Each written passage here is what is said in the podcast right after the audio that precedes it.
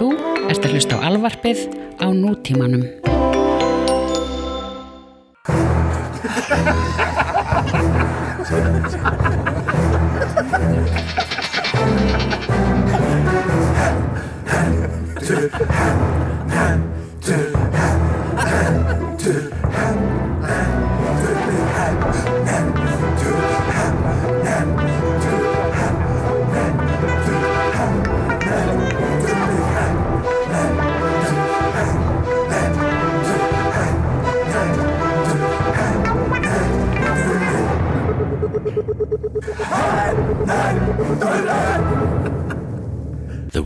is open, so's that door. I didn't know you did that anymore. Who knew they had a thousand salad plates? Man ekki nákvæmlega línun sem kemur eftir þessu. Ok.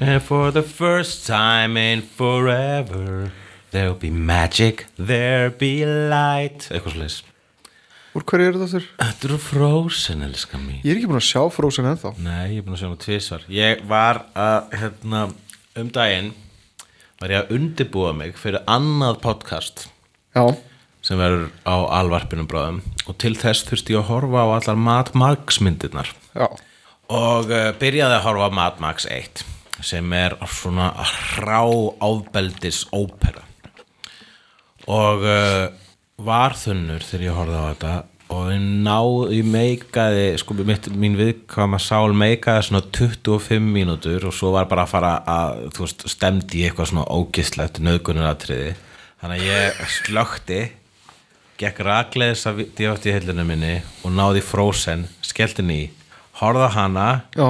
tók hann út setti síðan Wreck-It Ralph í horfði á hana, tók hann út setti síðan Up í þannig ég horfði á allt aðra Þetta er nú svona bólstraðir þig einhvern veginn í, í, í, í gleði og, já, þetta var eina sem ég meikaði. og hjarta hlýju þetta er náttúrulega, Frozen er mikil snild sko. Já, og, uh, og það, ég var það, það hjálpar þetta mér ekki mikið vegna þess að ég er búin að vera með lögin og frósuna heilunum sína sá hana fyrst, svo voru þau svona, voru þau að losna úr heilunum á mér, svo þurfti ég endilega að horfa hann aftur, nú er ég komin aftur, nú er ég búin að vera basically, let it go let it go á fullu. Sé ok so he's a bit of a fixer-upper já, við erum hefnendur. Við erum það. Hérna, við erum með gest. Við erum með gest. Við erum eiginlega með innrásaræðila hann, hann, hann Raki Hans, Ragnító Æra ekki Rutti sér leið halló, hérna. halló, Við erum að prófa halló. sagt nýju nýtt Ég við myndum ekki vita hvað við ættum að gera ef að Raki var ekki hérna, sko, því kunnum ekkert á svona. Ég, hérna, Hvað við að Við gera erum hérna? svolítið svona stúdíó stúbit, það sem að kalla það. ég þarf að unga mér inn í þáttin með, með tæknilegri aðstöðu mínu ég kefti ykkur yfir Ég, þú notaðir hérna, þú notaðir vannþekkingu okkar Þú notaði líka línuna, okkur. þið eru ekkert án mín.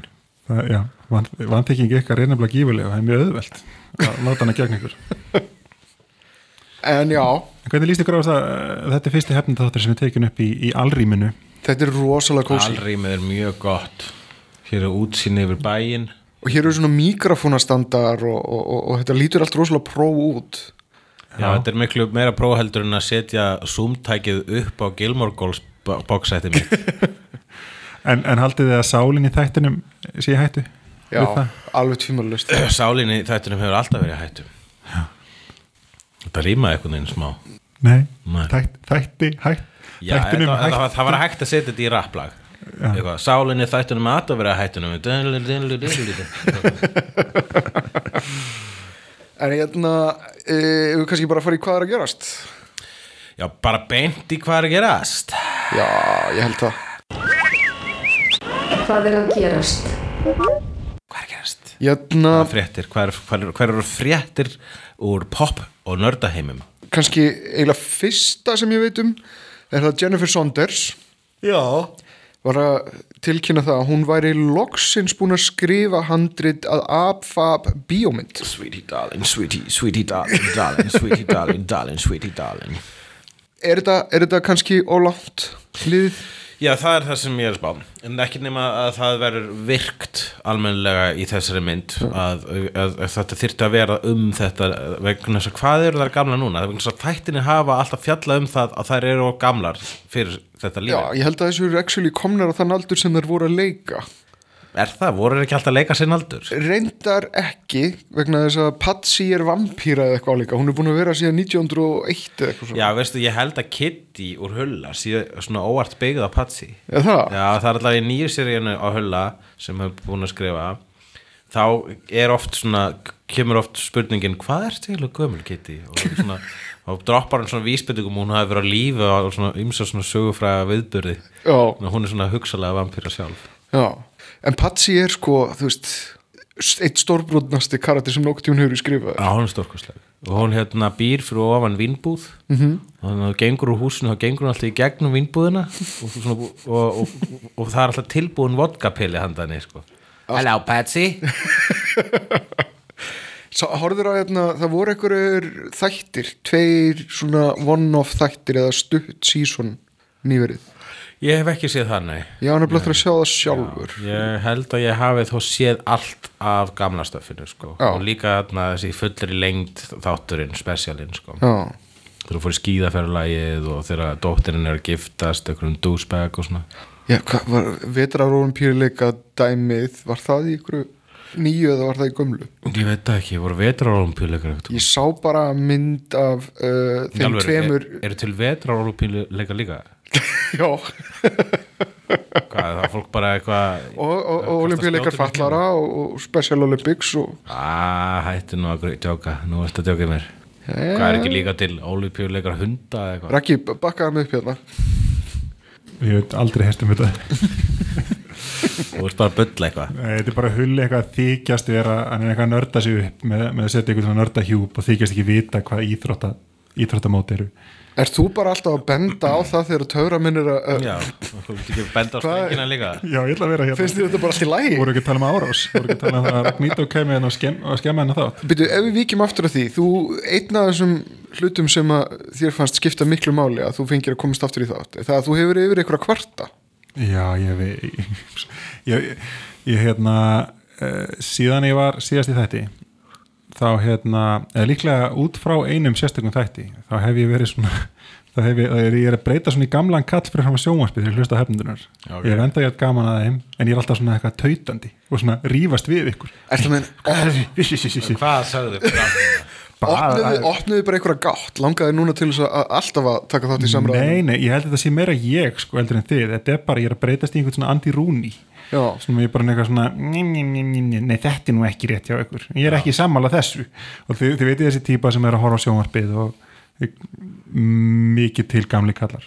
Ég er mjög forvitin að vita hvað Nei, sko, náttúrulega Það hlýtur að vera eitthvað tekt í þegar við opnuðum á pólitíkana hefur breytumst í útvarp sögu út í búið herði, ég er með nýja reglu. Já, Hérna, við tölum ekki lengur um uh, þann sem ekki má nefna. Við köllum hann bara þann sem ekki má nefna hver, hver er það? Nú, mannstu þegar fólk kaust þarna þann sem ekki má nefna? Já, já, já, það má ekki nefna hann. Það má ekki nefna hann. Ok, ég lifi alveg ágætlega með því. Já, það er ekki svolítið gott. Jú, jú, það er Kallaði Voldemort líka stundum, sko. Vondimort Já, Voldemort. Nei, það sem var svona kannski upphafið var hérna e, var vannvirðingin sem þið sínduð Alien-seríunni í, í hérna amalistætti Alien þegar ég var hérna ég, Þú ætlaðir alltaf að koma og vera með í því. Ég veit að ég stakk upp á þessu og þið bara "Ah, frábært. Og síðan bara eitthvað þú veist, tóku þið ekki marka á mínum tímakröfum sem að geta verið mjög flóknar. Þannig að ég bara komst ekki. Og hérna og ég hlusta á þáttinn samt spendur og ég var svo móðgæður en sem ég þykir svo vænt um þessa serju að þið töluðu meira og minna allan tíman um Alien vs Predator Ég hef það bara eftir því. Og ég man svona að þetta er pínu eins og ok, 40 ára ámali Star Wars uh, og þið myndi eigða allir tímanum að tala um Phantom Menace eða eitthvað, ég var bara Nei, nei, nei, ykkur. nei, hérna Ívok myndirnar. Já, Ewok myndinar, já, nákvæmlega. Ég finnst þú ættum að gera það eitthvað og tala bara um ívakkmyndinar Já, hvenær Jöp, jöp Herðu, Tölum um þær náttúrulega Ævar, þú mátt komast þegar- aðeins Ævar, gott aðeins nær aðeins nær mæknum mínum Já. Ok, er þetta nú nær er, er þetta nógu nær Er þetta nú nálægt? Er ég, er, ég, er ég komin í silkimjúka Þú nálega ert núna? komin inn í sko ekki bara hausin á hlustandanum heldur þú ert komin inn í náran á Ok. hlustanum komin Er ég, er ég núna komin svona er fínt, og er fínt. þokkafyllir Þú mátt alveg bakka nokkra sentimetra Ok, er hérna Jóhann Ævar Nei, þetta var þetta fínt, farðu aftur inn í. Jóhann Ævar hérna. Grímsson Þetta er mjög gott, ok í náranum á hlustandanum í náranum En ok, Nei, hérna- en, hætt, Ævari. já, Já, það var svona kannski það sem, að, það sem ég byrjaði að vera bitur þannig að ég, mér fannst þið sína þessari indislu seríu mikla vannvýringu með því. Já, en það er bara stundum miklu skemmtilega að tala um það sem er drasl. Ég heldur enda að þetta hafi verið vegna þess að við vorum tiltölulega nýluga búnir að tala um Alien. Og svolítið verið. mikið um Alien. Að þetta var eitthvað sem við vorum ekki búin að tala um. Það tengist rosa mikið náttúrulega því bara að ég hlakkaði til að koma í þáttinu að tala um Alien sko. Ég- og var, líka búin, ég var líka búin að vera að spila þarna tölvuleikin sem þú komst líka inn á þarna Alien Isolation Já, og hvernig er hann? Góður? hann, já, sko mjög fyndið en þess að e, ég var mjög spenntið fyrir honum og ég var mjög spenntið fyrir uh, hvað heitir það, Colonial Marines Colonial Marines var, var, var eitthvað, eitthvað, eitthvað slis það leit Já, miklu betur nákvæmlega. út í sölupitchi og það var leikur sem var byggður á Aliens og það var svona meira svona skotleikur, svona actionleikur og náttúrulega Aliens er náttúrulega bara sá, ef það er einhver ef það er einhver bíómynd sem býður upp á skotleik sem gerði hann eftir sig og þá var það náttúrulega hann og, en þeir, og ég var mjög spenntur. Mm.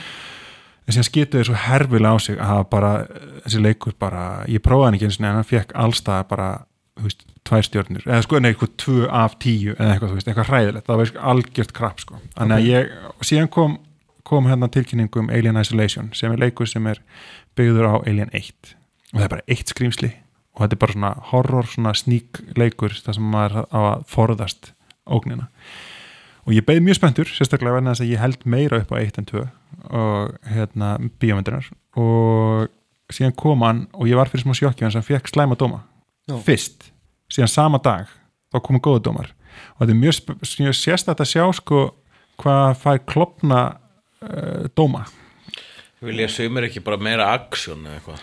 Nei, það var eiginlega svona uh, tölvuleikja blöð eða sko tölvuleikja miðlar voru að gefa sér svona frekar slæmt vegna en uh, þeir sem að voru svona eins og Empire og Guardian og svona sem er ekki, þú veist, svona miðlar sem að er ekki að sérhæfa sér í tölvuleikjum þeir gáðu þessu mjög hátt þess að þeir fílu upplifina en, en fólk sem var svona inn í tölvuleikjum var ekki að fíla pacingin þess að hann var of verið mikið honum sko. gæti að verið kannski vegna þess að svona tölvuleikja sé þá er ekki sérstaklega mikið replay value í þessu Já, líka bara sko, hann er svo ójafn það er svo happa glappa að- að að sem er, var, er, sem er stjarnan í þessu er það að alienið er beautiful það er scary as fuck sko. og það er svo random og maður fattar ekki hvernig það er að hugsa og Ná, það læri líka á þig já, og það, já, það er bara og það, og það er sko, og þá geta komið svona moment sem eru bara, eru bara beautiful sko, sem maður lendir í svona random, en á móti getur komið einhver svona döð moment í ykkur tvo klukktíma skilja það sem voru eitthvað félag bara og hún er einhverstað bara með eigin líf og einhvers- klukkutíma sem ekkert gerist. Æ, ég segi ekki, ég segi bara einhver, en langu tími. Og það var það sem fór úkslega í taugarnar á, á töluleikagörun sem, sem spila töluleiki all dag en hinn sem, sem að sóta þannig að allan, ég og kona mín við prófum þetta. Og hérna, og við vorum bara að skýta á okkur nokkra nættur að spila þetta og vorum bara að hugsa, akkur við að gera þetta sko? Og en þetta er alveg, þetta er scary as shit sko, og ógeðslega flottur. Það er svona filmgrein í honum og þetta er allt í náttúrulega í sko þetta er í alien lookinu. Þetta er, þú veist, allt svona lítur út eins og Nostromo, þetta er dóttir alien og þannig að, þú veist, allir svona allt, allt, allt hönnunum á gameskipinu. Dóttir Ripley. Dóttir, já, segir, dóttir alien. Dóttir Ripley, þetta hún heitir Amanda Ripley eða eitthvað, ég man ekki. Og hérna, og allt lukkið og designið er svona retro future. Ok, svona eins og fyrsta alien myndin. Og bara það sem ég, ég er ekki búin að klára þetta ég datt út, en hérna hann var geggjaður byrju, er eitthvað að klára? Er þetta ekki bara eitt borð að reyna að komast af í einhverja einn og halvan tíma? Hérna nei, nei, þetta er, þetta er mjög langt mission sko. þetta, er, þetta er, sagan er eitthvað þannig að hann fer inn í einhverja, einhverja gamestöð og hérna er það einhver að reyna að komast út og þetta er alveg heilangur leikur og það er svona rosa margir töluð um sko, hann var allt og langur sko. Ok, allavega, en, það, en þetta er, ég mæli með hann sko, mér varst að hann fokkaði mér upp sko, og hann náði algjörlega alien andanum sko Já. og alien fyrsta, þú veist, þetta er ekki action þetta er bara, þú veist, þú átt þetta eða hálftíma inn í einhverju skáp, bara eitthvað skítrættur eitthvað kíkja út og skítrættur við alienið. Ok. Hérna, Já, hvað meira ég- frétta? hérna. um, Já, hvað er og meira ég, og ég, fari, og ég klára listan yfir það sem ég er Já, endilega, ertu með meira hvað Nei, jú, ég var mjög pyrraður þegar þið voru að tala um hérna, þið voru að bera saman hérna DC þætti, voru að tala um DC þættin verðna þess að uh, Ævar var mjög svona mikið að verja þá og meðast hulli gera nóg aggressífur Þú veist ekki nógu aggressífur? Nei, alls ekki nóg aggressífur en þess að meðast að vera drastl Já, bara ég þið fannst þetta það mikið drast Alveg bara, bara- Ég er ekki, ég er ekki búin að segja arro er, Ef við kannski bara geima þetta í einhverjum sérlið sem heitir Kvart Nító eða eitthvað? Hvart nýtó Herru, við möttum að tala um það. Ég er náttúrulega síðast ég var í þættinu þá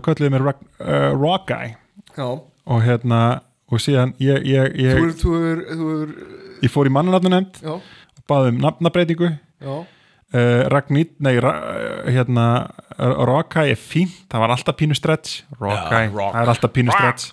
En síðan einhvern veginn döttu við inn á þetta Ragnito og ég er mjög til í það. Og mér finnst líka mega sens þess að Ragnito er í öðru liði sko, hann er í X-Men og ég er ekki í hefnindum sko. mér hef ekki glemma því samt að það var vegna þess að þú, þú, þú fegraðir það þegar að Hulli kallaði Rakvito já, ég heyrði það vittlust mér fannst það reyndar alveg, alveg mega sens. Rak, rak, en það er samt stretch.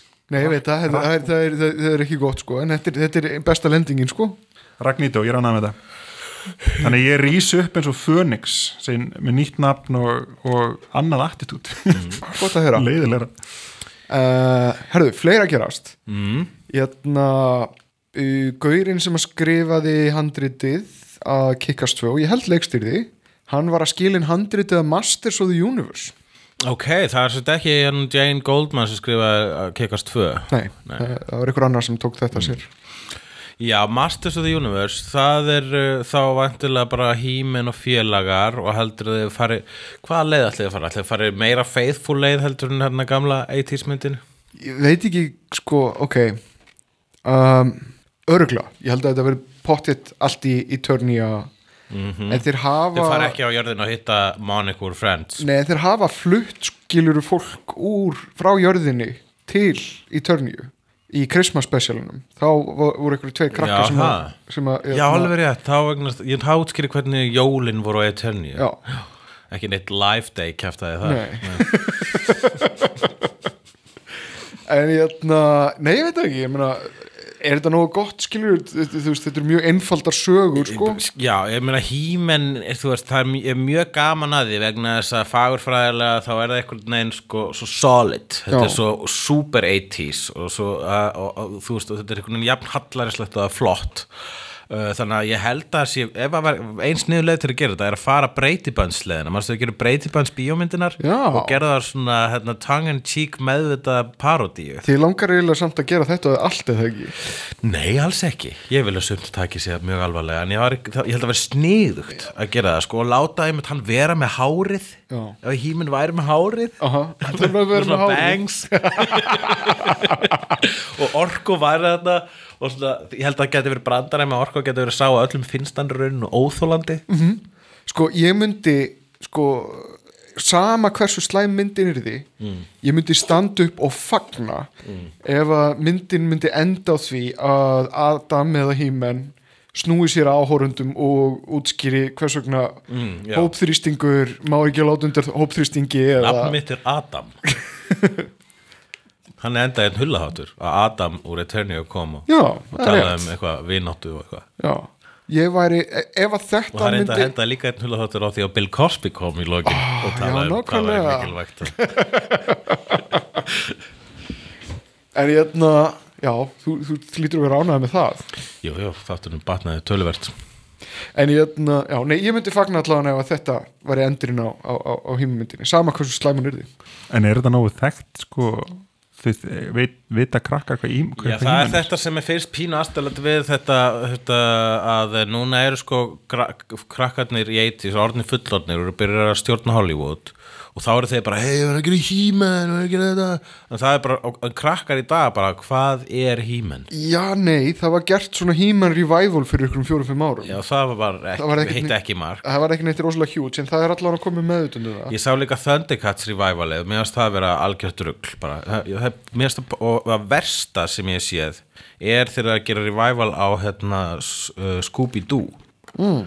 Vegna þess að þessi fagur, sko, Scooby-Doo er, það er ákveðin fagurfræði það er líka gangi, ákveðin er 70s einfaldleiki. Já, og getur ekki bara svona gert það upp á nýtt í dag, það verður bara, það verður algjörlega unrelevant og, og óskiljanlegt og enginn fattar af hverju, krakkar fatt ekki hvað föt er Scooby-Doo myndin með jötna, Söru Michelle Geller og Freddie Prinze Jr. Mm. var svolítið svona tongue-in-cheek Já, Brady Bunch style. En ekki að fyndi þið en bara ekki fyndið. Mm. ekki, ekki einu sinni. Ég held að bara sé vegna sko Freddy Prince Jr. var í henni og allt, ef hann er í ykkur þá eitrast myndin. En ég sá, það var fínn í 24 samt. Já, ok, hann var í 24 en Freddy Prince Jr. hann pullaði það sem hann kallar að pulla Sean Young þegar Sean Young hérna uh, í örvæntingu- hún hérna- mætti í hérna, Catwoman búningi á skrifstofun hans uh, uh, Tim Burton Já. Til þess að fá hlutverkið að kattakonunni fyrir Batman Returns Freddy Prince Jr. pullaði það sama í Spiderman búningi á skrifstofun hans Sam Raimi oh, hann ætlaði svo mikið að fá þetta hlutverk sko. en hérna, ég sá fyrst þú varst að tala um Thundercats ég sá það er í revivalið með sinni mínum sem var alveg réttum aldri Já, og hann dyrka þetta, hann át þetta upp sko. Já. hann var alveg bara alltaf að byggja um meira og meira þannig að það þræl virkað á hann sko. það er líka allt annað það er ekki sama sagan það eru ekki sko skipbrotsfólk það eru ekki skipbrotsfólk úr uh, annar plánutu á kattaplánutu sem brotlendur á ævintýraplánutunni þetta er meira svona, þetta er svolítið manga lúka á sig akkurat. Það var alltaf pínu manga lúk á gamla fötukast líka og ég fílaði það sko, svona góð svona hérna, ameri manga Amerei manga. Síðan er hérna sorgafréttir uh, Twins framhaldið Triplets -hmm. sem er hvað, Adi Murphy átt að vera Mhm. þriðjum týpurinn eitthvað það er komið á hold. Ah, það er strandað eitthvað þarna. Oh well ég fór eitthvað að hugsa um þegar ég las þetta að ég hef ekki séð Twins síðan 90 eitthvað. Ég sá hana kannski fyrir svona fjórum-fimm árum. Já, og hún eldist ekkit svakalega illa sko. Aha. Ég meina, hún tekur bara með í reikningin þetta er gömul gamamynd og hérna, hún er stórkoslega keðjubrandarinn þegar keðjan dettur á gaurinn hann er alltaf jafnfyndin hmm, kannski maður bara splæsi í smá áhorf. Mm. og þetta er líka bara svo frábær hugmynd sko. en spurningin er með handritið sko hvað ok, triplets áttu þá komið ljós að það var sko þriðji aðilega allan tíman líka til úr þessari mömmu og hann var svartur og hvað er verið að segja með því eiginlega já, ég meina, uh, ég veit ekki þú veist, ef að hérna, ef að hérna uh, uh, þú veist bóðskap er hérna alltaf að benda mér á það að tala beint í hljóðnumann Já. Já. það er Já. ekki, incognito your cock is neat. Your cock is það er neat því seint clean. sagt. Það er því seint sagt. Það eru sönd sagt. Um reður minn. Hvað er það, eitthvað svona monster eða uh, hvað, ég skal bara sína ykkur það. Finnst þér ekki reður teftur frábært orðið við að kokkblokk? Ég hef aldrei reður teftur. Reður teftur, ég var reður teftur um helgina. Það er ógæslega gott Nei, ef að sko, ef Danny DeVito er sko, þú veist, vegna þess að þau byggu til hinn fullkomna mann sem er Arnur Fossnagar og þannig að afgangarnir fóru síðan í Danny DeVito já, og hvað, af hverju var þá blökkumæður til síðan úr dæminu? ég, ég, ekki, ekki býða mjög um að Er það kannski vegna þess að það var ekki hægt að skrifa þetta handrita og þess að það var eitthvað rámt við það? Já, ég, ég meina, uh, hvernig var þetta? Þetta var, var þetta sæði frá sama einstakling, var þetta ekki eitthvað svona bland af öllum afreksmönnum? Það var eitthvað svo leiðis, þetta var bland, það var náttið miljón pappa eða eitthvað og, og það var allt sko bara hel bestu þættir úr að, að, hérna, af öllum kraftaköllum og, og vitringum. Þá þær einn alveg frjókað annað egg eitthvað svona, þá er það reyndir ekki triplets í alvörunni en- Já, já, eitt er að einhverjur þeirra hafa líklega verið uh, uh, þeldökkir og þannig varð Ekki voru þetta bara hvítir En hver, hverjir eru hans persónu Það er svolítið einkenni racist. samt? Hver eru persónu, já nákvæmlega. Bara hvítir eh, vísindamenn og snillingar. Uh, en, en þú veist, hver eru þá persónu einkenni hans? Hvað ætti það að vera? Ætti hann bara að vera svona Eddie Murphy? Bara svona, alltaf eitthvað svona það verður nú að hann ekki streitmann Nei, hann er ekki steinn ég, ég held að það sé bara það að hann sé svartur sko Já, þetta verður bara eins og Shrek hann verður bara Donkey úr Shrek Já. Arnold Schwarzenegger er Shrek Já. og Danny DeVito er Fiona eða eitthvað er þetta ekki bara þannig? eða ekki formúlan? Það má alveg endur gera twins held ég Ég held að, ég held að þetta sé alveg hugmynd sem ber sig í, í endurgerð. Já, já, þetta er skemmtilega hugmynd svo sem. Kannski, kannski fá einhver, einhver já, einhver meiri, meiri liti í þessa palettu framt You know it's crazy. We finish each other's sandwiches. That was I was gonna say Ég náttúrulega, ég náttúrulega hef séð örgulega Frozen meira en Hulli. Já, út af því að ég á en þú hefur hort hann á íslensku? Já, Já. jú Hún er rosa, hún er rosa vel þýtt sko. Já, Ég er búin að sjá rosa mikið að hún er mjög vel þýtt sko. Já, ég er sem að fara á YouTube er- og tjekka á íslensku Á hvað ertu að glápa? Herðu, ákvaðast að glápa Já, Frozen. ég held að það sem komið nokkuð ljóst hvað ég var að glápa á En ég get líka satt þegar ég var að glápa á kvikmyndur um Tourist um daginn, Já. fór að hann í gær Ég á eftir að sjá hana Uh, Það er stórkostleg stórkostleg mynd ekki dóslega hefnindileg, hún er svona human drama. Já, fjallar um uh, sænsk hjón eða reyndar norsk, konan er norsk og kallin er sænskur að uh, eiga í hjónabands vesinni í svisnesku ölpunum. Ok, ég held að séu svisnesku ölpunir ok. Það er alltaf skíðasvæði, eitthvað það sem fólk tala fransku og Og snjóflóð, það er snjóflóð í myndin en þetta er ekki stórslisa mynd ok. Þetta er, er, þetta er Snjóflóð sálarinnar. Þetta er, já, þetta er snjóflóð sálarinnar. Uh, þetta snjóflóð sem að fólk sér í trailernum að þessari ágætumynd uh, er sérst svona stjórnað snjóflóð eins og er oft gert á skíðasvæðum. Já, og hérna og ertu það nokkuð að spoila eða? Nei, vegna þetta er, satt, þetta er bara í raunin í uppamyndarinn og þetta er það sem myndin gengur út á. Uh, það er það að eh, snjóflóð sta- sitja fjölskyldan, það eru hjónin og börnin þeirra sitja á svona verund á veitingastað á skíðasvæðinu -hmm.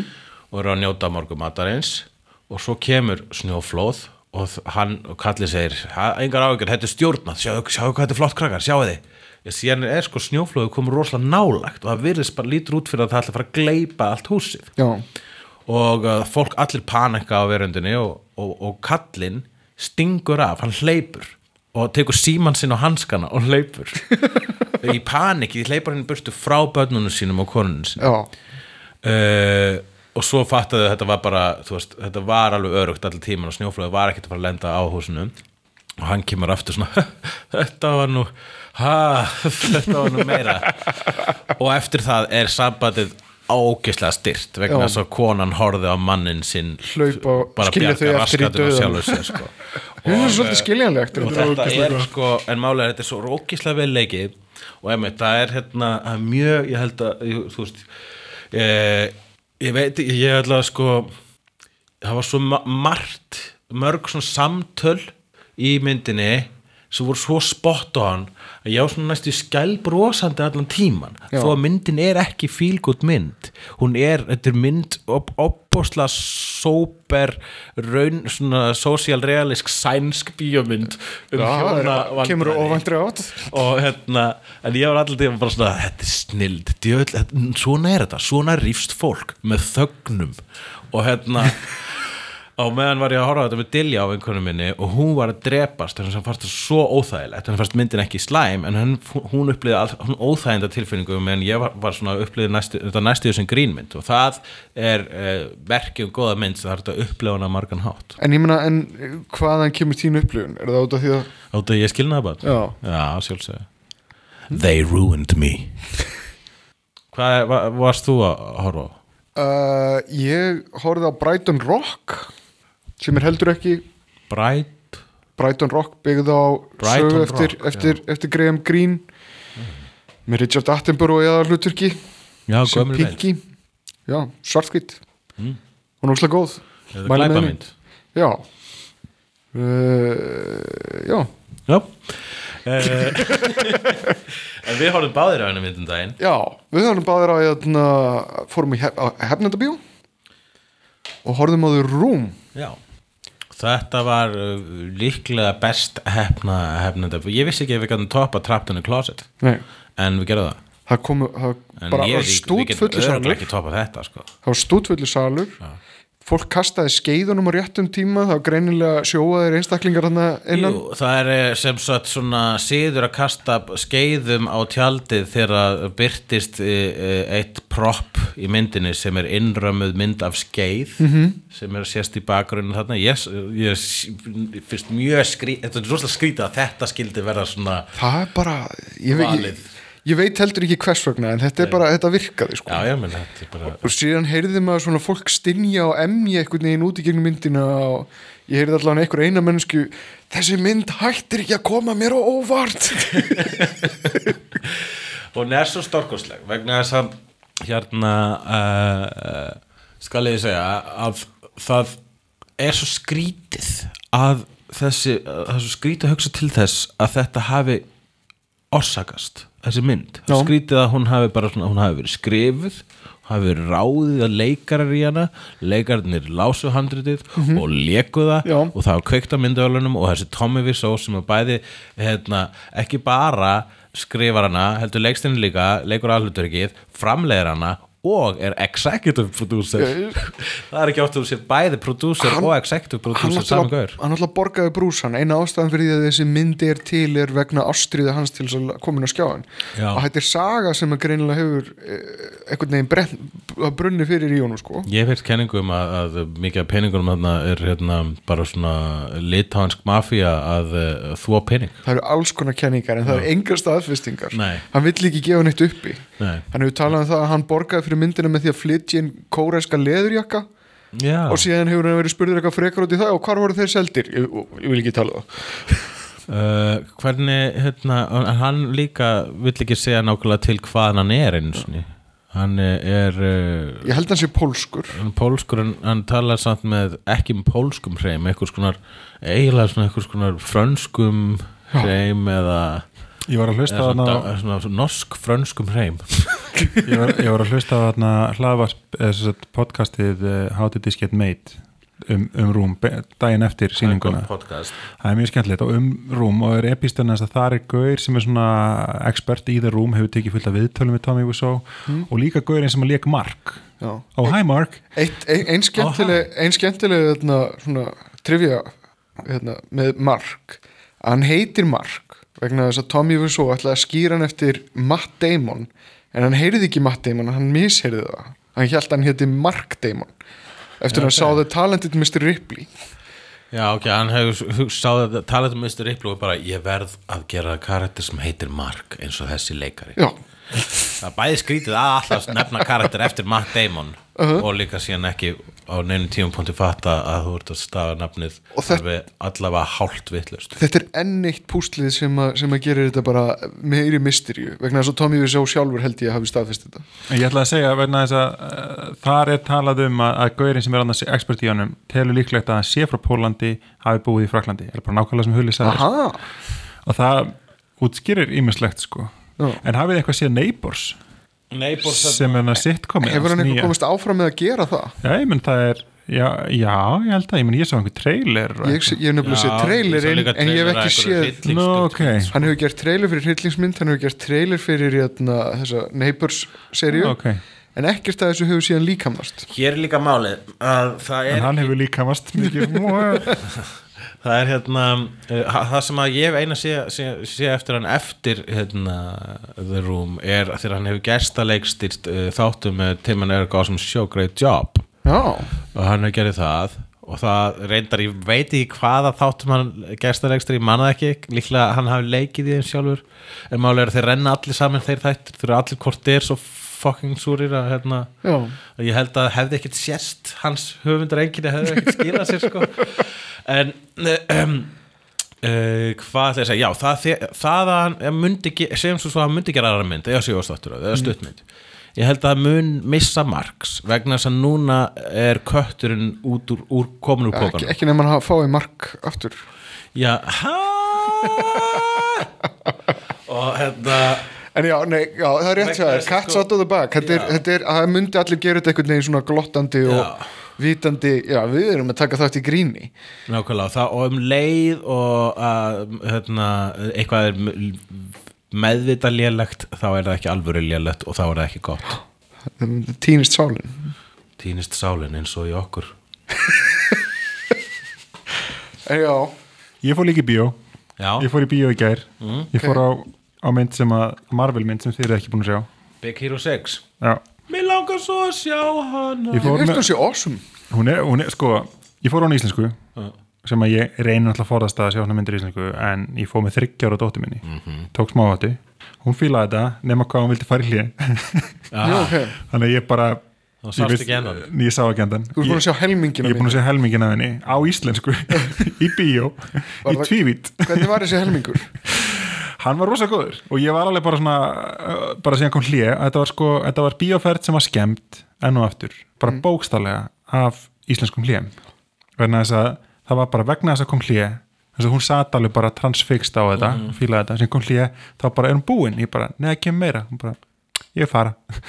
Þá var ég bara svona, og ég vissi alveg bara ég er ekki að fara að vinna þessa orðstu Býtu, hver, er, hver, hver ræður hérna?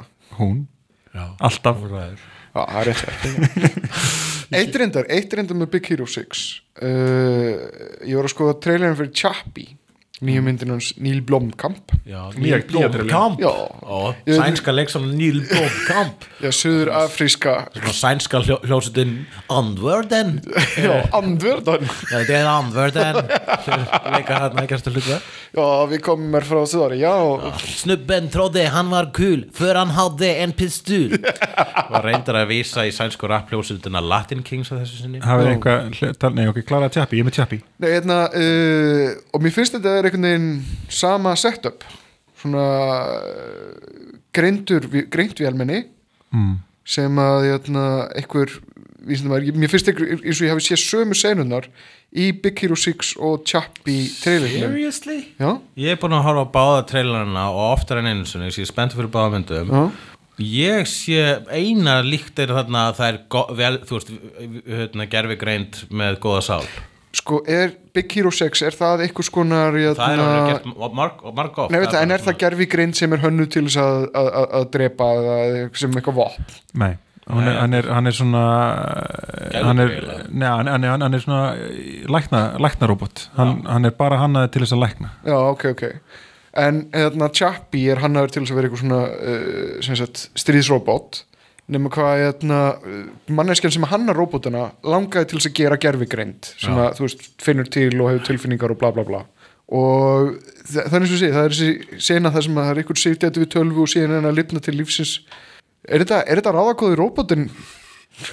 Að hérna Ég meina, circuit. hvað að reyna að segja, Ævar? Að það séu myndir sem eru eins og aðra myndir Já, ég, ég bara ég, ekki skemma fyrir okkur Nei, bara, mér finnst þessi hvernig eins og við séum konni þarna með sjansin á okkur nýju þríleik Nýju þríleik þá. Short Circuit, Chappie og Big Hero 6 Já, það er náttúrulega alltaf gaman. Það er náttúrulega að bæta ímsu í það Það líka er sko. mjög mörgu í þetta sko. Uh, Hvað með til dæmis batteries not included? Í það eru gemverur Það eru gemurur, já. Ok, verðum að finna annað. Uh, Góð vélminni AI AI, hvað með AI?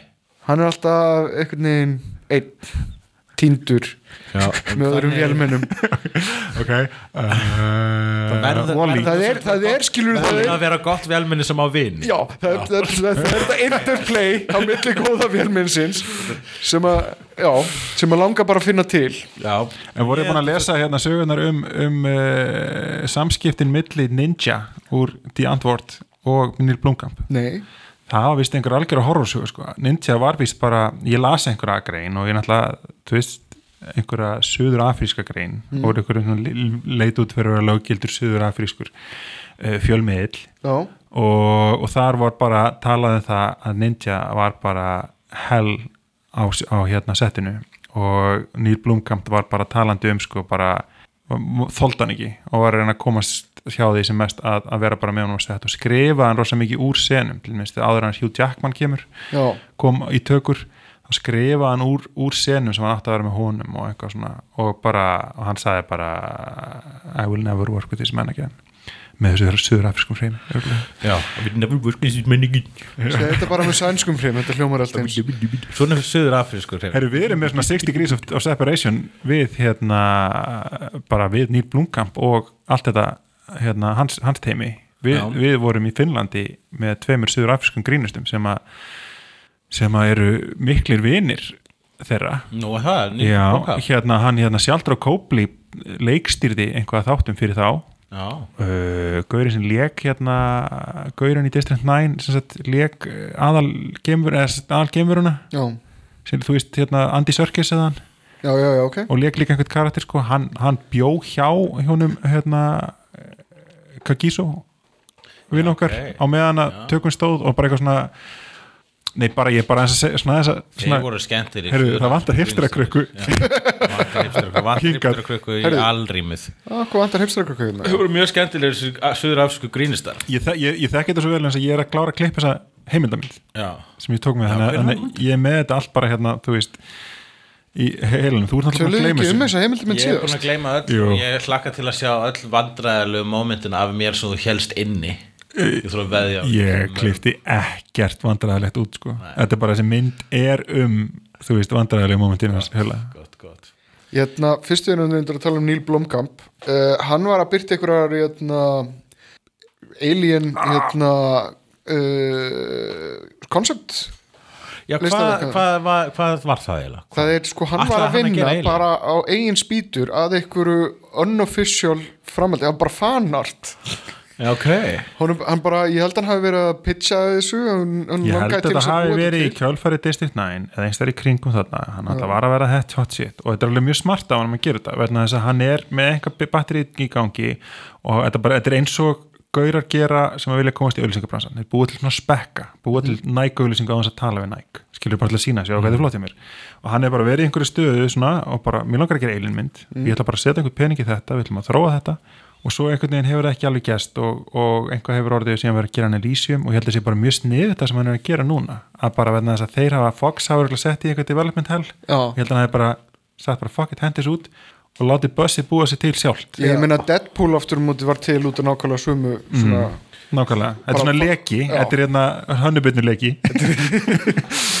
Já, En eiginlega trilógia er samt í rauninni bara Neil Blomkamp trilógia núna sem verður þá til með Chappie. Þá er það District 9, Elysium og Chappie sem eru allt mjög tengdar myndir, mér sýnist mér allavega á Chappie líka allavega Elysium og District 9 er rosalega fjallum það sama sem er bilið á milli stjætta já, en það er líka að koma á þessum stuttmyndum sem hann gerði Já, já, Tjappi kemur eiginlega bara beint úr já, sem að gerði, sem að er, er myndi sem að koma honum á kortið í raun og veru. Office robotin Já. það er ógæslega gott sko. Officer in a Robot. Málefni dagsins. uh, Málefni dagsins það er nú svolítið þungt og flókið. Það er hérna Charlie Hebdo já. skotárásin. Árásin á tjáningafrelsið og Já, mér finnst þetta, það, það, þetta er vissulega árás á tjáningafrelsið en ég finnst þetta líka, ég, fyrir mitt leiti er þetta árás á skapandi hugsun. Já, og það er svolítið íronist í rauninu vegna þess að þeir sem að fremdu árásuna þykist vera að gera það í nafni Guðs og það er ekki til frægari skapandi hugsun en Guð. Í raunininu, hann er frægasta, veist, frægastu sköpunarverk mannsins. það er hérna, nei, sko, náttúrulega tilgangur með þessu er að valda glundróða uh, til þess að, að, að ala á andúð og óhamingju Já, ef þú þú meina það að við eldum sem sé, við ættum ekki að uh, hérna, þetta er ekki þetta er ekki Íslam sem að reðst á hérna þessa Þetta þetta skopmyndablaða heldur er það í rauninni bara, þú veist, við ættum frekar að elda þann sem er að sponsora, þann sem er að borga fyrir svona terrorista grúpur. það ætti að vera Al-Qaida Jemen sem að, sem að fjármagna þetta vist Já. og búið að lýsa yfir ábyrgð. Og því ofar sem að fer í þær tröppur því uh, á því guðlausari staði fer maður sko. Já. Þetta er bara fólk sem er að, að reyna að búa til meiri penning En sko, þetta, þetta, það byrtast svona alls konar umræður í kringum þetta eins og það kom þessi hérna, Sjösui uh, Charlie uh, þar sem að fólk tók upp það hashtag eða þann, þann, það slagord til þess að lýsa yfir stuðningi eða svona raunverulega samheldni gegn svona ógnaröflum. Mhm. En strax í kjölfarið þá fór fólk að draga í efa að þetta væri sniður ég sá okkur, heyrði okkur rættur um það að uh, við skulum nú ekki vera, vera Charlie vegna þess að Charlie er algjör rasisti. Já, og er Charlie rasisti? ég nefnilega ég fæ ekki séð að Charlie sé rasisti. Ég er búin að vera að rannsaka þetta sjálfur, ég er búin að vera að skoða fullt af skopmyndum. Hvar, hver er nákvæmlega rasismin og líka sérstaklega vegna þess að þú skoðar hvað hérna, brandar hann sjálfan þá er þetta oftast uh, svona postmodernist við, postmodernist viðsnúningur rauninni og rauninni að brandarinn er um rasisma og skot á rasisma í mörgum tilfellum allavega sko. Nefnum ef maður skoða líka bara ritsjórnana þá er þetta allt voðalega svona líbó vinstri sinnaðir uh, pro-Palestín pro-Palestínu hérna, intellektual týpur í Fraklandi hljómar ekki eins og KKK Nei, þeir, e, sko, þeir eru aðalega kannski að mótmæla kennivaldinu og, og, og sem sagt, styrkunni, helgi Já. myndunum Já, frekar heldur en einstaklingum sem að sem sagt, Já lúta Ég- þessu ég- valdi. Þetta er það sem hefur sko Mér finnst fólk stundu tínast í þessar umræði Að gera grín að Múhameð er ekki að gera grín að múslimum. Já, það, það er náttúrulega fólk fer í þessa sk- svona þessa vörn vegna þess að þetta kemur við múslima Já. að gera grína Múhammed. Og það sem meira sko rauninni þú veist þegar fólk hugsa með þessu múslim þú veist og ekki einu sinni allir múslimar eru múslimar svo við fórum út í þá sálma sko. Já, og uh, hérna ég næs ekki vegna þess að sko það, fyrst alveg sökkar að, hérna, að það er einn guð sem á ekki sparki pungin á Já. það glatað. Og þess vegna á að sparka meira í þann, þann pung. Já. bara það þannig virkar grín vegna þess að það er komið fokkin skotmarka á hana pung og hérna þannig, og það hefur ekki, þú veist, og ég væ, myndi sparka hana pung ef ég myndi, þú veist, hefði ekki alltaf gaman að því að mm, vera á lífi. Já þú ert hrættur já, ég er hættur, ég ætla ekki, ég ætla ekki að tegna Múhameð, no fucking way maður. Já, En það er, hérna- það, en, en það er, mér finnst það það er við þó sem hræði mig. Já, það er náttúrulega hræðilegt og þess vegna finnst mér þeir sem þóra að gera þetta þeir eiga svo, svo, skilið svolítið kl klappa baki í rauninni ekki skot í hausinn Já.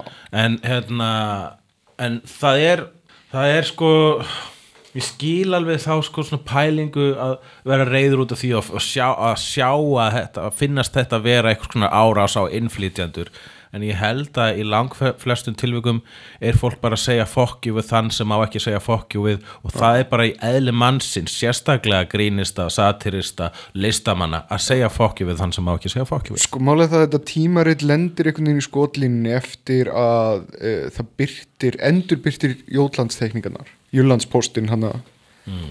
e, þær voru þær rasískar? Uh, þær voru bara alls konar. Það var náttúrulega Já, þessi, þú veist, springja í staðan fyrir turban og svona dæmi sem Mér að finnst það ekki rasismi. Uh, ég, uh, svo mynd sem ég varst alltaf skemmtilegust var Muhammed 8 eða 9 ára skilur standandi fyrir um töflu. Og þá Já. var það bara einhver, einhver Muhammed Já, hann var bara svona slú krút já, Sko, ég man, ég man bara eftir flottu myndunum þar og þær voru uh, þær, mér fannst þær ekki rasískar. Ég held að fólk sé að ruggla saman að hérna, að hatri á trúabröð og hatri á uh, kynþætti. Já. af hverju er fólk að ruggla því saman? Eru það ekki henni sönnu rasistar? en, hérna, en eins og ég segi, með Charlie Hebdo þeir, sem sagt, eh, Hebdo fyrir ekki, þeir hérna, byrtu þessar myndir og síðan byrtu þeir forsíðu þar sem að hérna, Muhammed var á hnjánum grátandi og hjælt fyrir andlit sitt. Og grét það að, að, svona mikið af fáiðum skildi vera tilbyðan. Mm Já, og í kjölfarið er, er ef, ef ég mann tímalina rétt þá er, jötna, þá er eldsprengju varpað á skrifstofur þeirra. Já, og viðbröðinu þeirra við því er það að bæta í já. að halda áfram að fjallum þetta. Og það hefur náttúrulega komið út og þá allt í hennu sko gefa þær í og gera meira grín af þessu tiltöknu trúabröðum og allavega þessu tiltökna tákni innan þessara trúabröða og þá vilja það margir meina þá, þá er auðveldara að kalla þá einelti seggi í garð uh, þessara, uh, þessara kyn, þessar kynþáttur þeir eru svona öllu jöfnu svona equal opportunity móðgarar. Uh, en kannski ráðast aðalega á öfga hægri flokka, Páagarð sko. uh, Le Pen hana, sem sagt. Þetta er eins og til dæmis hér. Ég myndi ekki gera grín af þeim sem ekki má nefna mm. en ég gera það vegna þess að sá sem ekki má nefna er að skemma svo mikið fyrir mér. Já, Ég er með svona spurningu sko. Hérna það sem að uh, það er alltaf rosa mikið af, af tjáningu kemur fram þegar þetta gerist. Fólk, og ég held að snúist bara rosa mikið um það að fólk bara einhvern veginn upplýsi máttlust og bara hvað get ég gert? Og það fara að stökku allir á þetta náttúrulega ég er Charlie og síðan kemur einhver, koma einhver bara, já þú veist Charlie er þú veist ekki, eitthvað, ég er eiginlega ekki Charlie. Og það fara einhver fyrir fólk að segja ég er ekki Charlie. Og, einhvern veginn, þú veist, og þá fyrir alltaf að snúa um, eitthvað- snúast um eitthvað sem þetta skiptir eiginlega einhverjum sem, þú veist, sem er ekki the point. algjörlega irrelevant sko. algjörlega irrelevant skilur að bara, að bara, það er ekkit enn þú bara drepur ekki mann fyrir að gera grína einhverju, punktur. Já, en hann var rasisti. Jafnir þótt þetta væri rasiti, jafnir þótt þetta væri þú veist, fáti, sem þetta tímaritt þá á ekki að skjóta fólk fyrir það. Bara ekki alls ekki. Hvað er, ég er að reyna En ég ætlaði að byrja, mér langaði nefnilega, sorry, að er það kom, það kom pressa á fólk einhvern veginn, hvað á ég að gera? Hva, hvernig get ég, og það var einhvern veginn, þú veist, það voru rosa margir sem breytti prófílmyndinu sinni, rosa margir svona, næ, næja, þú veist, ég ger eitthvað á Facebook, skilur, nú er ég búin að gera eitthvað. Ok, en það er samt einhvað, þá ertu ekki bara að sitja og halda kjafti, mér finnst það bara gott að segja bara, ég er á móti þessu, hvort sem þú segir, þú veist, og það, og það er bara þannig uppleið þegar fólk segja, ég er Charlie, þá uppleið bara það er fólk að segja, ég trúi ekki á það að maður er að drepa neitt út af gríni.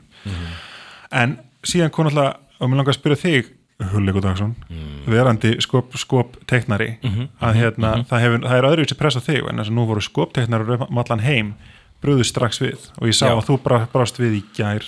Já, ég bara Haukur S. Magnússon hjá Greipan, hann segi gerðu mynd um þetta núna. Og hann sagði það líka Já. við lóðum ok, og hérna ég, og, já, var sko uh, já ég, á síðustu stundu skilaði ég einminni teikningu til þeirra og var sér fekk kvíðakast nóttina áður en að þetta færi í Veslanir, greifaðin blaðið uh, vegna þess að ég bara fattaði að ég hefði teiknað sko, ég hefði teiknað tvo terrorista og þeir eru búin að skjóta fullt af fólki. Og þannig lágu lík út um allt og blóðpollar. Og allt í hennu fattaði ég, ég teiknaði hérna látnu. Er þetta ekki fucking vanverðing við hérna látnu? Og fekk bara svona shit og eina, eina, eina ástæðin ég gatt sopnað var að ég myndi að Lóa gera það líka. Þannig að ok, það geti dreift bleiminu líka á hana. En Haldur gerir það, Baldurs. Já, Haldur Baldur skýra líka. Hérna það sást ekki hvernig nefnilega eftir að, eftir, eftir að sjá bara hans daginn eftir þá, þá byrti hann á bara myndir af hennu látnu nöfn og ártöl. Já, ekki, þú veist, reyndar ekki, ekki, blóðu sínu. það er Ekki svolítið blóði munur sínu, sko. já, það er náttúrulega svolítið munur however það sem ég hérna, var sína við stelpur sem hefur búið í Fraklandi og hún segir að frakkar séu, þeir eru nefnilega svo mikið sko, málfrelsi er svo mikið þeirra dót sko. þannig að þeir, þeir nýta það svo mikið þeir koma stundum einmitt út sem assholes, einnig þekkt sem að vera franskur að hérna uh, eru alltaf svona "Eh, what should I make of?" og þú veist, þú, þú þegar þeir eru að móðga þá er að snýsta alltaf um skít og, og mömmu þína og svo leiðis og þannig að sko að ekstremismi og sérstaklega með skoðum bara, þú veist það er til dæmis til kvikmyndabilgja sem heitir The French Extreme sem eru ógeislegustu hryllingsmyndir í heiminum. Þannig að þeir eru bara sko svolítið fáaðir og svolítið góðir í ekstremisma og sensationalisma. Og þannig að og, og síðan þegar ég byrti þetta á Facebookinu mín þessa mynd, þá fekk ég mjög mikið af frönskum uh, þak, frönsku þakklæti, það var mörg merci komment þannig að ég róaðist töluvert við það og kunni rosalega vel að meta að fólk sá nákvæmlega hvað ég var að gera. Vegna þess að meira þess að sko var ég líka með áhugjur vegna þess að minn bara andari teknaði Róvart Múhameð það ekki? Ég teknaði næstu í Múhammed en samt ég hérna þetta, en sam, ég hugsaði ekki þannig. Þannig ég, ég, það sem að gerist var það að myndin er þannig, það eru tveir terroristar búin að dreipa fullt af fólki og annar er að segir hey what if God is a cartoonist? Og hinn segir then we're fucked og svo kemur ljós, er svona er þetta metafísisk mynd vegna þess að mín hönd er inn á myndinni að signera myndina og hann signera hana God 2015 þannig að ég er inni ekki bara gerði Guð, setti Guðana myndina heldur ég gerir mig að Guði. En uh, í mínu til en það sem ég er að meina með þessu er það að við erum Guð. Það er bara til eitt Guð og hann heitir ímyndunarafl mannsins. Þannig að uh, þegar þú ert að ráðast á sérstaklega listamenn sem vinna við það að vinna við ímyndunarafli sitt þá ertu að ráðast á Guð. Þannig að það sem þessi terroristu voru að gera voru að skjóta Guð. Já, Deep as whale shit. You know where that is? Deep like the, mines of bottom of the ocean, já ég ætla reyndar að lesa fyrir ykkur hérna. Uh, það var að byrtast frétta á MBL uh, teiknarinn Willem Bernard Holtrop uh, hollenskur teiknari sem teiknaði fyrir hérna, Charlie Hebdo, Hebdo. Ég, ég, þetta Hebdo, Hebdo. Það bara þvælist fyrir mér. Nema hvað hann segir og ég ætla bara að lesa fréttina hérna uh, gefa lítið fyrir nýju vinnina sem blaðið hefur eignast eftir hriðverka ára svona síðan er vitnaði hann, við höfum eignast marga nýja vini eins og Páan, Elisabetu Englandsdrottning og Putin það fær mig til að hlæja sagði Bernard. Formaður þjóðurni sinna hægri flokksins þjóðfylkingarinnar í Fraklandi, Marine Le Pen, er hastánað þegar íslamistar byrja að skjóta á allt og alla, sagði Willem. Við ælum á allt þetta fólk sem segist núna vera vinnur okkar. Fyrir nokkrum árum fóru þúsundi manna á götur Pakistans til þess að mótmæla Charlie Hebdo. Þau vissu þá ekki hvað það var, nú hefur þetta snúist við. Ef fólk er hins vegar að mótmæla til að standa vörðin tjáningafrelsi þá er það auðvitað góður hlutur. Já, hérna, það var eitt sem ég myndi spáði með þessar teknikar, við snúðum aftur að hva, hvað það er sem að fólk sé rasist við þar, er það það að eh, þú veist, geðingar og arabar á myndunum séum stór nef, er það ástæðin? Sér fólk það sama og það sá í, hérna, í eitræði sveppunum barnabókunum þarna frá nasistafloknum í setni hinstrutinni? Já, það er allan að hvernig þeir presentera Muhammed já, það er, Já. það, hann, hann er þarna einhverju, einhverju forsíðu Sharia Edition. Já, Sharia Hebdo held ég að, að, að þeir breyttu titlinum. Og hvað er hann að gera og það? hann stendur þarna bara og segir hérna, hundrað uh, vandarhögg ef að þið degið og gera látri Já, já, kann, ég kann að meta þann bóðskap. ég, sko, finnst vegna það nú ekki sko, beint ég er að reyna, sko, eins og til dæmis svo við aðeins svona reynum í hvað þú varst að tala um að þetta, við við vorum að tala um að þetta væri rauninni, sko, þetta væri át, grín að Já. svipað og til dæmis þegar að uh, South Park sem að ég myndi segja sér svipað um flokki vegna að þeir gera grín af nákvæmlega öllu -hmm. og þegar að koma til dæmis Japanir í South Park þá eru, oh sorry oh so sorry, my dick is so small so small, so small so small penis og hérna uh, og það er þú veist, ef, gróf- ef, ef þú vart ógislega rétt hugsandi hérna, mjög gróf hippi, þá er þetta fucking rasismi Já. nema ég, sko, ég sé ekkit annað en að það er verið að gera grín að stereotypu að sína fram að hvað stereotypa er hallarislega Já. og stundum er það bara mér fyrst, sko rasismi er bara stundum svolítið fyndin, líka sexismi Mhm. og allt sem er rangt er bara svolítið fyndið sérstaklega sagt rétt það er sko ein forsíða þar sem að það eru svona Boko Harem fórnalömb ófrískar. Boko Harem sem sagt hérna rændi fullt af uh, konum, stúlkum mm. og nauðgæði þeim og, og, og var með þær bara sem kynlýstrælar og, og þær gengu kaupum og sölum. Og þeir byrtu forsíðu þar sem að þessar Boko Harem uh, stelpur standa ófrískar og að byggjum sem sagt benefits og einhvern, einhvers konar hérna, sem sagt uh, peninga úr velferðakerfinu þetta á yfirborðinu virkar rosalega rasist já, en er, en er sem sagt hluti af því hvernig Charlie Hebdo uh, vann með sína fórsöðu þeir unnu með svona að Já. tengja saman tvo uh, ótengdar hluti já, og þetta er umverulega myndskreiting af því hvernig fólk kvartar undan sem sagt ímyndaða velferð drottningunni sem að lifir á einhvern veginn ríkinu. Já. þetta er umverulega byrtingamynd sem sagt rasistans myndskreitt og bara sínt fram á fáranleika þess akkúrat. með því að setja þetta bara fram. Ég veit að það er nefnilega, mér svoleiði skrín alltaf mjög fyndi, eins og til dæmis það er endur mjög ólíkt í en teiknumyndunan Metalocalypse sem eru eitt af mínum uppást teiknumyndu fjalla um uh, þungaroks hljónsveit og það er verið svolítið að gera grín af hugmyndinu um það að, hérna, að þegar fólk held að þungaroks hljónsveit eru öllu sjálfsmórðum og, og, og, og, fólk var að drepa sig til að hlusta á svona Uh, í þessum Metalocalypse heimi hún gerist í heimi það sem að sko þeir valda döðsföllum á hverjum einustu tónleikum og, og hérna svoleiðis. Þannig að það er verið að segja hvað, ok, eru hrættið við svoleiðis hljónsveit, við skulum gefa ykkur svoleiðis hljónsveit það sem að Charlie er að gera, ok, þið fílið ekki svona við ætlum að gefa ykkur svona, við ætlum að neða ykkur til að horfa á hvernig fólk hugsar. Já, horfa á hérna, eiturustu hugsanir mannkins og fáranleiki, skopstælum þess fáranleiki þess bara myndskreittur og settur á borð Mér finnst þetta mjög obvious og menn finnst líka rauninni ef ekki væri fyrir sko bara hva, ekki væri fyrir leðlega hlutina það er rauninni pínu gaman þegar að fólk miskilur svona. Mér finnst gaman að fólk verður reitt. Ég finnst gaman þegar fólk verður til dæmis pyrra át af mínu tekningum ég hef gert tekningu þar sem að einmitt það var hérna, voru geimverur að ráðast að borg og svo Mm. maður sem stendur fyrir utan borgina það er svona fljúandi fyrir hlutur að skjóta geis, grænum geislum á borgina og maðurinn segir fucking muslimar Já. og þá var ég að gera grína því að jafnvel þegar geimverur ráðast á jörðina þá mun einhver bleima muslimunum um og hérna að ég hef fengið einmitt bara fólk hefur sendt mér og mér er sett obvious brandari, eitthvað finnst þannig obvious það ekki en fólk hefur sendt mér skil og bara hvernig, sko ég kann að meta húmorðinu en svo ertu bara svona svakalegu rasisti sko, nú ertu bara að gera grína muslimnum og ég hef svarað, ég veit ekki hvort að þú sérst að grínast en um, þú veist greinilega ekki hvernig ég grínast. Það er, er erfitt nefnitt fyrir húmórslust fólk að skilja húmór Já, það er, ég vorkinni þeim það er mjög sko. skrítið hvernig, hvernig þú veist, jafnvel þegar maður segir eitthvað kaltæði eða skrifur eitthvað kaltæði hvort að maður þurfa að hafa þetta kaltæðismerki er kaltæðinni bara þetta út sem, sem form vegna þess að það bara veldur dauða Kald, eh, áttu að segja írónían sem döið eins og eftir 9.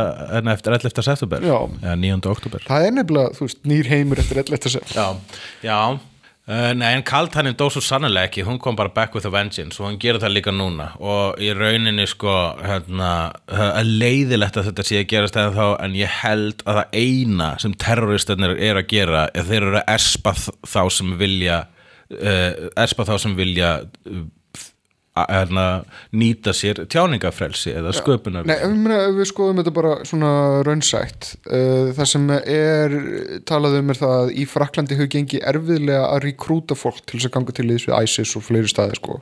að ná upp öfgum þar þrátt fyrir það að það sé mjög mikil hægri öfgasveifla uh, og ákveðin anduð gagvart innflytjendum Samt hefur- eru ISIS, ek- þeir eru ekki, þeir eru ekki að standa sér vel í Nei, Fraklandi þeir hefur átt erfitt með að rekrúta úr, úr sagt, frönsku sagt, uh, úr frönsku menningaheiminum okay. þannig að, jötna, að eh, það er ákveðin kenning upp með það jötna, að það er verið að reyna að espa upp meiri anduð á innflytjendum í Fraklandi, í París til þess einmitt að búa til grundvöllin til þess að jötna, styrkja sínar einræðir þetta er einn kenning skilur Já. Það er aftur á móti í þessum sko öfgasveitum eins og ISIS og eitthvað svona þá er reglan svo skilur þú veist, ef þú gengur á trúnni þá ertu réttaræpur, þeir eru með þannig reglur sko. ef að þú ert ekki með okkur í liði þá ertu að móta okkur stemning Akkurat. sem er bara svo hróðarlega en þetta er, þetta er valbytting frekar heldur en einhvers konar trúar dæmi. þeir eru bara að nota trúna sem, sem tæki til þess að, jötna, að styrkja. Það lang flest svona skipuleg trúabröð eru snúast ekki um trúabröð í rauninu sko. en síðan náttúrulega má ekki gleyma því að, að múslimar hafa svolítið réttmæta kröfu á að það sé komið fram við á meiri virðingu. Ég vissulega en við, höfum svolítið demoniseraða eftir, þá- eftir í 11. september. Við, ekki ég. Já, við vestrænt samfélag. Já, hvíti vondi kallinn Já. Uh, Hann er búin að vera svolítið, hann er búin að ekki gera uh, brúna fólkinu góðan greiða það er bara óttin við ekkur okkur áfram í því. Já, held sóttin En mér reyndar, áður með okkur Já. með smá svona jákvætt muslimadami ok, hérna, komið tími til. Það er ákvaðast að lesa. Áfórðulösa Ég var að lesa bók, er nýbyrjar að lesa ég er ekki múin að klára hana. Þetta er fyrsta uh, safnið, fyrsta svona paperbackið uh, sem hefur komið út um Miss Marvel Það er að segja ofurheituna Miss Marvel eða nýju nýju myndbyrtingu þessar ofurheitju Miss Marvel uh, það hefur þekktust sem persóna sem heitir Carol Danvers og er eina af mínum uppáhalds ofurheitjum uh, en Carol Danvers er kona sem að fekk uh, uh, sitt power í eitthvað svona gameflugasleysi mm. Og fekk sér svona eitthvað gameveru power getur svona flóið og skoti geislum og eitthvað svona mjög ófrumlega hérna, ofurkraft en hún er bara svo skemmtileg persóna Ok. uh, hún var nýlega hækkuð í tign, er orðin kaftet Marvel Já. þannig að núna getur ykkur annur heitið Miss Marvel og það er stelpa sem heitir Kamala Khan og er fyrsti muslimin til að fá í, í, of, fyrsta muslima ofurhetjan hjá Marvel til að Já. fá sinn eigin titil við höfum rætt um þetta eitthvað tíma en þú ert búin að lesa þetta sem núna Ég var sérst að byrja að lesa þetta Já. Þetta var einmitt að við höfum rætt þetta þegar þetta var komið ljósað hérna, þegar að, að gera muslimska ofurhetju sem er ekki bara muslim, þetta er líka stelpa Já. og þetta er rosalega mannleg og falleg og raunsæ saga af stelpu sem býr í New Jersey hjá hérna, pakistanskri fjörskildu sinni hún er, og, og er, sérst, hún er amerisk en hún er líka pakistansk og það er mikið svona uh, spenna þarna á milli en hennar fóreldrar eru ekki heittrúaðir þau eru samt trúaðir og þau með þá má til dæmis ekki borða svínakjöt og svo leis og það byrjar hérna byrjar uh, fyrsti kaplinn byrjar á því að hún er í, hérna, í sjoppunni í hverfi sjoppunni og er að byggja búðamanninn um að opna hérna uh, skápinn með skinkusamleikunum bara svona getið þefa af þeim. Bara hún sér saman mm, sweet infidel meat segir hún. Og hún er mjög fyndin. Og uh, hún fær síðan eitthvað svona power sem að í gegnum svona eitthvað dæmigert og ofurhyttju slis þar sem hún fær svona power þar sem að hún uh, getur sem sé tekt líkamann og stækka búið til risastóran hnefa og svoleiðis. Þannig að hún er með allt öðru þessi power heldur en Karol Danvers. Má, ég taka eitt smá hliðarspor hérna? Já. Uh, hvar í nýja testamentinu kemur að fram að við meðum borða skinku? Áttu við að kemur fram í gamla testamentinu að við megum ekki bara skingu Já, ég meina þetta er, þetta er hluta gíngdómi sko. Ok, en Þetta síðan í, nýja testamentinu þá bara Það er engin, ég- er eitthvað um stað þar sem að hérna, Jésús segir, ó já, bæði vei, hérna, svínakjöt, þetta er ok. Já, já, sko, mótsagnir í trúaritum hvort sem kemur doktor Guð uh, Sæll Örn, ég er hérna í miðri hefnenda upptöku uh, ég, á ég ekki hringi ég bara rétt strax? Jú, já, já, blessaður og uh, Já, ég, ég, þetta er bara eitthvað sem ég veit ekki mér langaði bara svona, Já, ég þessa- veit einhver augnabliki sem að við allt í hennu gáum okkur leifi til þess að- að víkja frá þessari reglu í gamla testamentinu? Jú, þetta er mjög góð spurning en við hafa það í huga þetta er úr sömum bóku sem segir uh, að þú skalt elska náungaðinn og þú skalt bjóða hinvangan en síðan skaltu bara rústa öllum og drepa alla. Og ekki vera í fötum úr póliestur og, og, og bómull. Tönn fyrir tönn er í sama sömu bók og bjóti hinvangan er það ekki svolítið, misli, er ekki svolítið en, hérna, en það er ekki conflicting upplýsingar í bókinni Miss Marvel. Er þetta sama bók? ha, Er, þetta er ekki sama bók? Nei, biblían eins og mörg trúrið líka er raunin bara ritgerasafn samin af mörgum mismöndu köllum sem eru mis uh, góðir menn, sumir þeirra eru mjög homofóbiskir og aðrir þeirra eru bara fínir gaurar og það bara fyrir eftir hver er að skrifa kaplan sem þú ert að lesa í rauninni hvað og rauninni Plús það að, að sko að tönn fyrir tönn er úr gamla testamentinu. Bjótu hinvangan er úr nýja, eða ekki? Já. Þetta, eru tvær mismöndi bækur, þetta er bara tveir mismöndi rítstæður Guð er sko í gamla testamentun þá er hann sko bara svona einhver gelgja að rústa herbygginu sínu en síðan sko eignast að bann og þá verður hann allt í einu svona aðeins betri gaur, þú ættir að kannast það Þetta er bara, þetta, er ekkert saman bókin, þetta er eins og bara, þú veist, DFF núna og DFF fyrir ári. Oh no you didn't! Það var gott. En Miss Marvel? Miss Marvel, já. Uh, það, er, ég, það er ekki að fara út í smáatri bara mæli með, eh, sko, við viljum fá sko, það sem að þessi ofurhyttju saga hefur það sem að ég vil að allar ofurhyttju saga sem er þetta mannlega element mm. karakterinir eru trúanlegir þeir tala sem vennulegt fólk, ég kalla þetta Buffy faktorinn, það er að segja að þú ert að horfa á ofurhyttju fantasíu, en allir eru eins og vennulegt fólk og ekki bara það, þau eru alltaf skemmtilegt fólk Já. og hún Kamala Khan sem heit, er, er þessi nýja Miss Marvel, hún er mjög skemmtileg manneskja hver er skrifið, er það kona skri- eða, Já, það er kona sem skrifar þetta og hún heitir, skal ég þess segja hérna G. Willow Wilson og er sjálf muslimi uh, ég heldur að segja bandariskum ættum en hún er alin upp í Egiptalandi ok, og, uh, og það er bara sko, það, þarf bara sko, ég held að fólk þurfi bara að lesa eitt tölublað í svona comics til að átta sig á því að, uh, uh, að brúna fólki er líka fólk. Og, og hérna en vegna þess að það er svo skrítið að það er fólk sem er eldra en við. Ég, er, ég á vina á Facebook og ég skal segja hver það eru.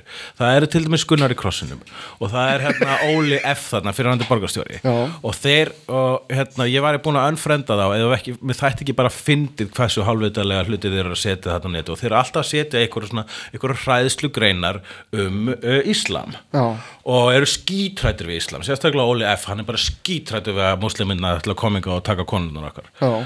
en hérna og, og það er eina jákvæði sem ég sé rasisma, það eru hálfveitarnir sem er svo auðvelt að gera grínað. Já, en uh, sem er ást skrítið að þessi fullóri fólk eldra en ég sem fættist áratugum undan mér að það er samt svona heimst. Það, mér líður eins og ég sé snillingu þegar ég hugsa til þess.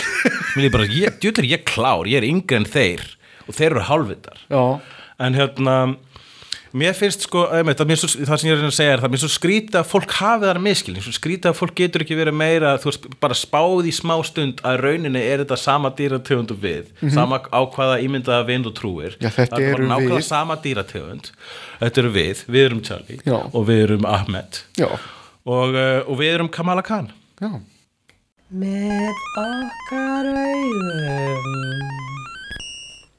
Og þá er það með okkar augum. Já, það er listamannlaunin listamannalaunin. Þú, þú varst að fara listamannalaunin það ekki? Já.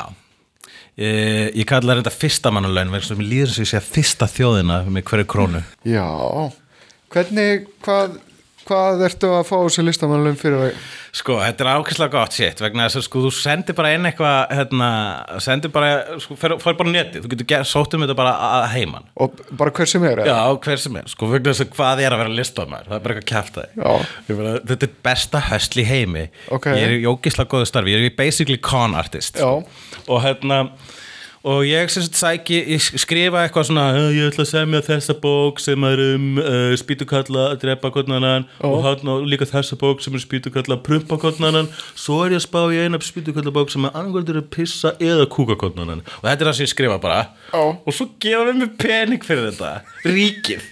Ég tek basically peninga úr vörsum skattborgara Já. og tek það til mín og síðan sko, hérna, náttúrulega þú en- ég þarf ekki hvað ertu hvað, ertu- hvað ertu að gera við þessu pening hvað, Sko, ég, það, það trikki mitt er það að ég náttúrulega bara skrifa fyrst undir samning hjá forlæginu mínu og það Já. síðan fyrirfram greiðslu. Þannig að þú fær peninga frá þeim? Ég fæ pening frá það líka. Þú fær, þú fær borgað raunverulega fyrir að gera þetta en síðan fær einhvern auka pening? Já, ég fæ alveg bara auka pening frá öðru vaðalum ok, og, er bara, Það er- síðan, og svo, svo skrifa ég þessa bóka eitthvað tveimur dögum, hefur séð bækunum mínar Og, hérna, og svo bara býða eftir sumrinu Já. og þá leysi ég út peningin og fyrir bara sumarfrí. Ok. Já. Fuck Ísland. Óknar fjör má alltaf sjá. Í Reykjavík. Á landinu um loftin blá. Líka á sænum. Hættur og háski Látur og gáski Hefnendur Í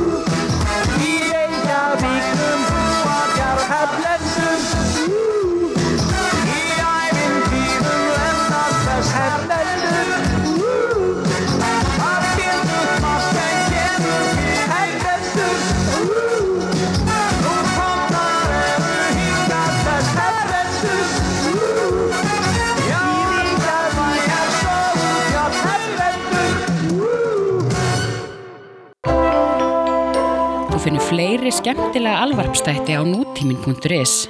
Takk fyrir að hlusta.